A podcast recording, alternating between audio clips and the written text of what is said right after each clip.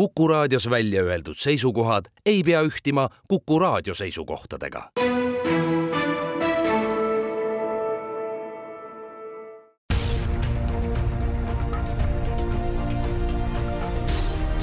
uue samba taga.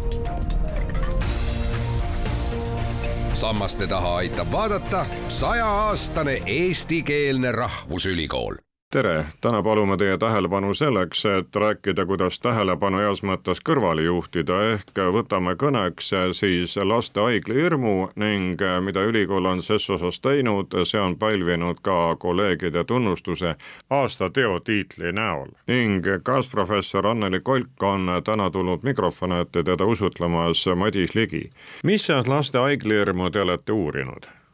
Kõigepealt tere kõigile ja alustasime muidugi viie-kuueaastaste lastega, aga juhtus nii, et meie see tore hologrammimasin, mis siis tekitab selliseid fantastilisi 3D tegelasi ja kujutisi, oli töös ja väikesed beebid, kümne, üheteist kuused jäid vaatama vaatama seda suure imetlusega, sest noh, nendel algab ju tähelepanu hoidmine juba teisest-kolmandast äh, elukuust, just see visuaalne tähelepanu lastel areneb. ja, ja nad olid nii rõõmsad ja lasksid teha omale uuringuid ja protseduure ja siis me ei pannudki enam seda vanusepiiri ja veel lisaks, et lapsevanematel mõjub ta ka üllatavalt hästi, võtab nende hirmu, ärevust maha, millega kaasub siis ka lapse ärevuse vähenemine kuid kui see haiglahirm jõuab juba nii kaugele, et äh, muutub probleemiks, kas ta siis lähtub enamasti lastest või rohkem lapsevanemad on pabinas äh, ja siis ka laps erutub sellest? No võiks öelda, et ikka siin on see koostöö. võib-olla väiksemad lapsed, beebid, kui nad on emadel süles ja nad on hoitud, siis kardavad vast vanemad rohkem ja muretsevad aga mis on ka uuringutest ja meie enda uuringust välja tulnud, ikkagi need üle kolmeaastased lapsed kardavad väga nõelaga seotud protseduure ja, ja see tegelikult ongi üks sellise hirmu põhjus ja on väga huvitavaid uuringuid tehtud, et lastel vahel see haiglahirm on suurem kui valu iseenesest ongi.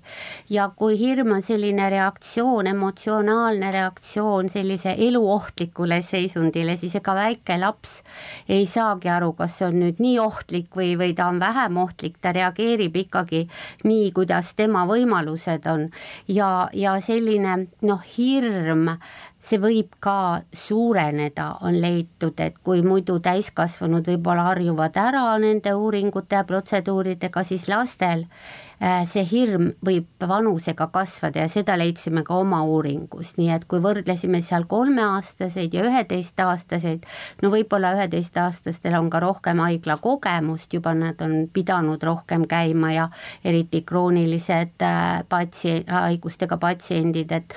et nendel ikkagi on see hirmutase ja stressitase päris kõrge kas hirm on seotud äh, arsti onu ja tädiga, et äh, valges kitlis äh, tegelane kõnnib ja tal on veel midagi käes, palub mul midagi teha või on siis selle hirmu allikaks see haigla ise, et, et lapsele on see nii võõras kõik ja see tegevus, mis seal toimub, on temale hoomamatu? Jaa, väga õige, tegelikult ongi, see haigla on võõras koht. Seal on imelikud lõhnad, seal on võõrad inimesed, seal on imelikud ruumid, peale selle on võib-olla meeles ka, et seal tehti midagi või hoiti kinni või ei olnud tore ja, ja kõik need asjad kokku noh, jätavadki sellise tunde, et see on üks õudne koht. Aga meie eesmärk ongi, et neid lapsi nagu, et neil oleks tore seal haiglas, et nad ei kardaks arste, et nad ei kardaks äh, meditsiinipersonali. Ja edaspidi usaldaksid meditsiini, nii et ei tekiks neid selliseid oh, meditsiinipõlgureid või kuidas meil on need teatud kildkonnad, kes arste ei usu ja, ja teevad oma surra-murra protseduure, et, et selline edaspidiseks ka et äh, selline noh, ütleme kindlus meditsiini suhtes ja austus ja, ja noh, selline uskumine ka, et minuga midagi halba tegelikult ei tehta ja eks see koroonaaeg on seda tundlikkust äh, ka võimendanud, äh, sellepärast et on lihtsalt ühiskond äh, heterogeenne ning osadele ei meeldi kas vereproovi võtmine, olgu mis iganes tõekspidamiste tõttu või ka kaitse pookimine ning sealt peale siis kerib nagu see asi edasi, paraku. Ja nii ta on, et et tegelikult see ongi meie eesmärk, et lastel jääks sellest haiglas käigust hea kogemus ja ja edasises elus siis ka, et äh, arstile mineku ja me ütleme meditsiiniga kokkupuutes ei tekiks mingit tõrget kas seda tõrget suurendab ka see, kui näiteks laps, olgu ta üksinda või olgu ta koos ema-isaga seal ootejärjekorras, et kui keegi on valu pärast nutma hakanud või mõnel teisel põhjusel, et, et siis see omakorda lööb nagu edasi ka järgmistes välja jaa, eriti väikestel lastel on küll nii, et kui keegi väga kõvasti nutab, kas protseduuride toas või palatis, see teeb ärevaks selliseid kolme kuni viieaastasi lapsi, suuremad juba saavad aru, vaatavad emale otsa, et midagi hullu ei ole, aga väikestel tekib küll selline koorilaul, kisa.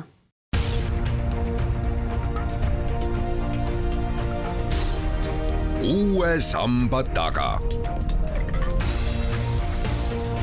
sammaste taha aitab vaadata sajaaastane eestikeelne rahvusülikool proua kaasprofessor, lähme siis nende võtete juurde, mis äh, ennast teie töös on näidanud ja õigustanud, et mis edu toob, mis võtab ennekõike seda haiglahirmu meie väikestel kaasmaalastel maha?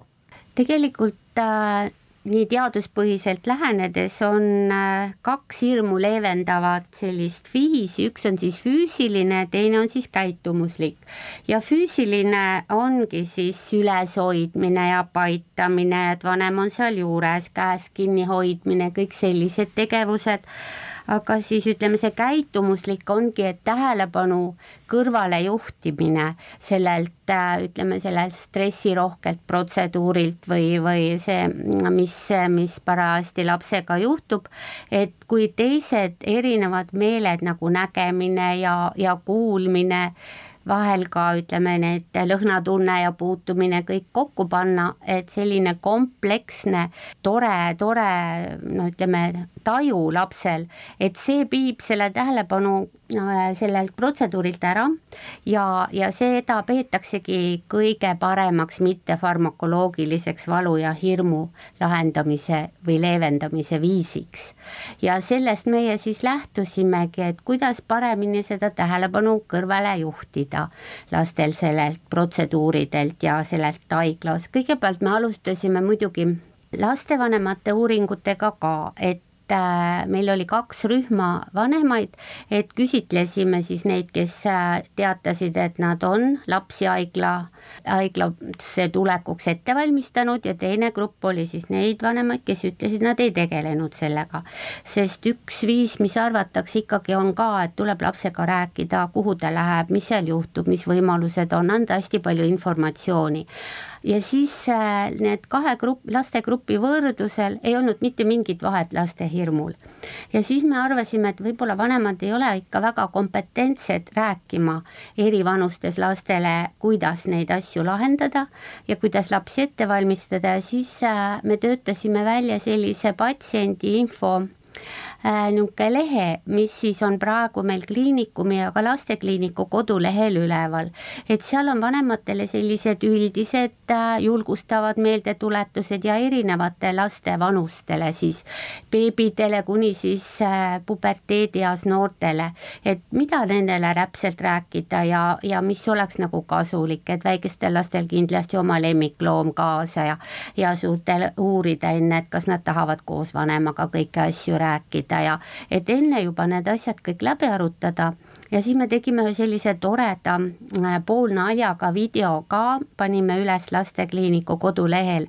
mis siis tutvustab las-, lapsele, et mis siis temaga juhtub, kui ta tuleb haigla äh, sinna arstikabinetti noh, see on ambulatoorses osas. et alguses laps ka ütleb, et ma ei taha, ma kaotan natuke. Ja et siis, mis, kuidas teda seal kuulatakse. Ja seal on siis lõbusad multifilmi massaažis eh, või ei hakka aru, kuidas nad kuulavad siis need südamed, kangelase süda lööb ja et selline, et äh, tore vaadata lapsel enne ka sinna kabinetti minekut, et nad niisama seal ukse taga väga ei peaks ootama ega, ega muretsema. no nüüd on meil küll hästi planeeritud need vastuvõtuajad, vähemalt meil lasteneuroloogidel küll, et et kõik on, tulevad õigeks ajaks ja ei pea seal ja, ja nüüd on uus tore maja meil, kus on hästi palju mänguasju ka ja tegevust lastele, et et neil juba see keskkond ka võib-olla natuke juhib tähelepanu kõrvale nendest tavalistest sellist, nagu meil vanasti oli see haigla selline suhteliselt ütleme, tagasihoidlik või hirmutav, aga, aga praegu on toredad joonistused ja ja siis äh, lapsed ei pea seal väga ootama ega kartma ja kui nad tahavad, siis me saame anda neile veel või vanemad ise saavad vaadata, vaadata seda videot, et mis seal on siis ja mis seal tehakse, et see on niisugune natuke lõbus ka, sest lastele, lastel peaks olema, meie oleme oma uurimisgrupiga ikkagi leidnud ka, et et peab olema natuke põnev ja natuke lõbus ja ja et ei ole nagu täiskasvanutega, et kõik on nii korralikud ja teavad, milleks nad sinna haiglasse lähevad, eriti taastusravile, teen oma harjutused aga, aga laps ei saa sellest nii aru ja temal peab olema ikkagi põnev ja fun ja nalja saama ja et tal oleks ja tänapäeva lapsed ju tunnevad kõiki neid tehnikavahendeid väga hästi, eks ju. et tavalised need äh, tahvelarvutid ja televiisorid suurt enam neile pinget ei paku ja sellepärast meie hologrammid, mis on siis sellised ruumilised tegelased ja need on nagu selline üllatusefekt ka, et ohoo, mis sealt nüüd tuleb võidusõiduauto või, või sipsik hüppab välja või need siis need muinasjutukangelased, Elsad ja Annad tüdrukutel, et et mis tõesti selline asi, et see võtab nende tähelepanu küll, kütkestab hästi, et et see on natukene nagu need digitaalsed reaalajas võimalused, mis me lastele saame pakkuda, et äh, need on fantastilised. seega lastefilmidest, raamatutest ja mujalt äh, tuntud teatud positiivsed tegelased on asunud siis nüüd meedikutena hirmu maha võtma.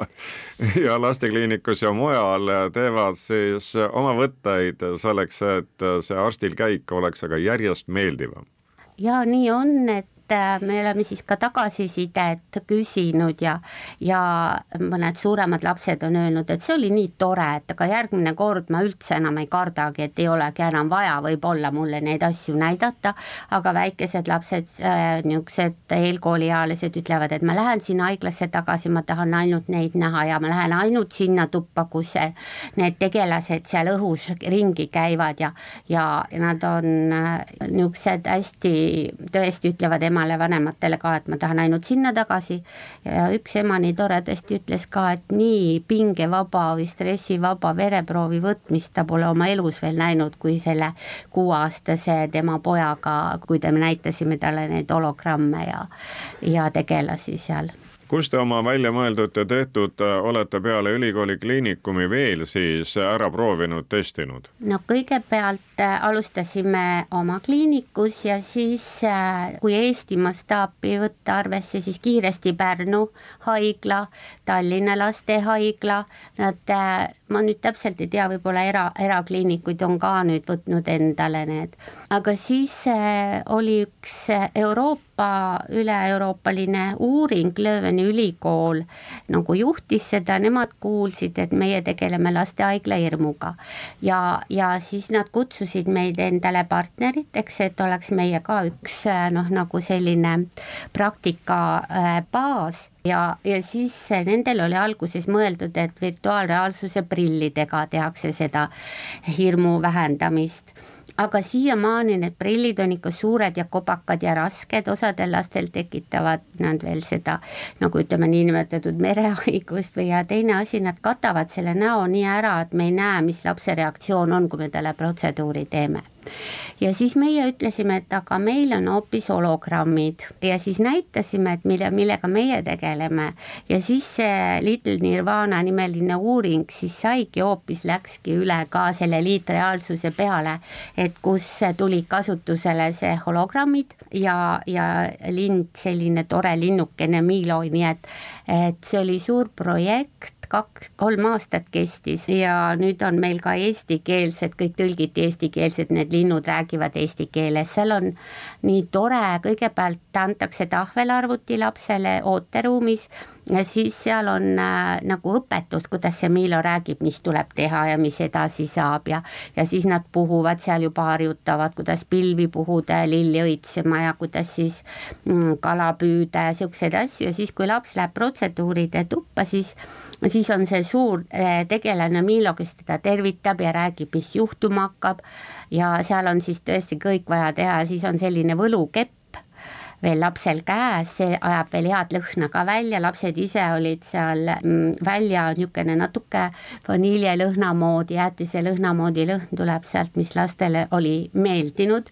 et nad tunnevad seda lõhna, nii et ütleme nagu see lõhnataju pool ja siis nad peavad oma käega siis liigutama, et kuidas saab siis kala püüda sealt ja vahepeal tuleb saabas välja kala asemel ja kuidas saab üle jõe minna ja et sellised toredad ja siis need lapsed tõesti, nad ei panegi tähele, kui neile kas või võetakse vereproovi või tehakse seda protseduuri kui enne mõni laps oli tõesti laua all ja nutis, ei tulnud sealt välja või voodi alt, siis, siis nüüd me oleme täitsa pisarateta saanud seda, seda, neid, sellel samal lapsel neid uuringuid teha. Uuring lõppes küll ära, meil oli kakskümmend last, kellega me saime Äh, kogu need programmid läbi teha ja tagasisidet, nad said veel koju ka veel sellised äpid, need lapsed kõik, et nad saavad seal kodus ja oma vendade-õdedega harjutada kõiki neid lindusid ja ise pildistada siis ja no niisugune ikka viimase peale tehnika. Ja nüüd tahetakse veel seda laiendada ja meie oleme nagu ikkagi üks põhiuurimisasutus siis nendega koos ja see oli tõesti hea kogemus, et kõik tõlgiti veel eesti keelde ka, noh, me vaatasime muidugi üle need küsimustikud ja linnukene, mis siis tõesti räägib lastega. Kas äh, siis varsti on Maarjamõisas niiviisi, et kui väikesed patsiendid tulevad, siis on robot äh, tohtril ka abiks, et laste tähelepanu juhtida ja olla väga kaasaegne. on vastuvõtul selline medvend jah, küsitakse, meil on tõesti, meil on kaks äh, Pepperit robotit keda me oleme siiani siis kasutanud põhiliselt siis laste nende sotsiaalsete oskuste, suhtlemise oskuste arendamiseks. aga me tegime ka sellise lühikese uuringu lastele, et kuidas nad robotisse suhtuvad, just need, kes tulid siis haiglasse vastuvõtule. ja, ja see oli ka üks selline pinge langetamise see meetod, et lapsed väga kiiresti võtsid selle roboti omaks, roboti nimi on Pepper et arvatakse, miks tal niisugune nimi on, aga et siis, et noh, täpselt ei tea, kas ta on poiss või tüdruk. aga, aga siis oli pandud selline jaapanlaste poolt selline nimi, ta on lapsesarnane, sada kakskümmend sentimeetrit pikk, vilgutab silmi ja liigutab käsi, oleme talle ka siis eesti keeles õpetanud eh, kõik suhtlemist ja teretamist ja ja nii tore tagasiside, lapsed on ka siis öelnud, et, et kui tal on juhe seinas, siis ta on elus ja ta on sõbralik ja tore ja ta on tark ja tüdrukud peavad teda veel targemaks kui poisid. ja selline kümneminutine lühikene uuring, noh, nagu ütleme, nagu suhtlusuuring või interaktsiooniks nimetatakse, seda tegime. et siis, siis kaks-kolm sekundit võttis see aega, et lapsed kohe võtsid pilgukontakti, hakkasid temaga rääkima ja vastu rääkima, sest täiskasvanuga ütleme ja võõras täiskasvanu, olgu ta psühholoog, logopeed, arst, et ikkagi võtab natukene aega, sest ta on ka suur ja täiskasvanu, aga niisugune antropomorfistlikud jooned, mis nad nagu natuke nagu elus ja natuke nagu sõber ja ja päriselus võib-olla ka ei ole, aga me peaks teda ikkagi hoidma hästi ja et Äh, sellised äh, omadused, mis need lapsed talle äh, nagu omastasid, siis nad, küsisime ka, et mis sinu enda tuju nüüd on, no neli-viis palli absoluutselt viie palli süsteemis, aga robotile nad panid ikka viis praktiliselt kõik, et temal on ikka väga hea tuju. Selle hea tujuga on hea lõpetada ka saade, mis andis ülevaate sellest, mida Tartus tehakse selleks, et väikeste patsientide haiglahirm aga väheneks. selgitusi jagas kaasprofessor Anneli Kolk küsija oli Madis Ligi.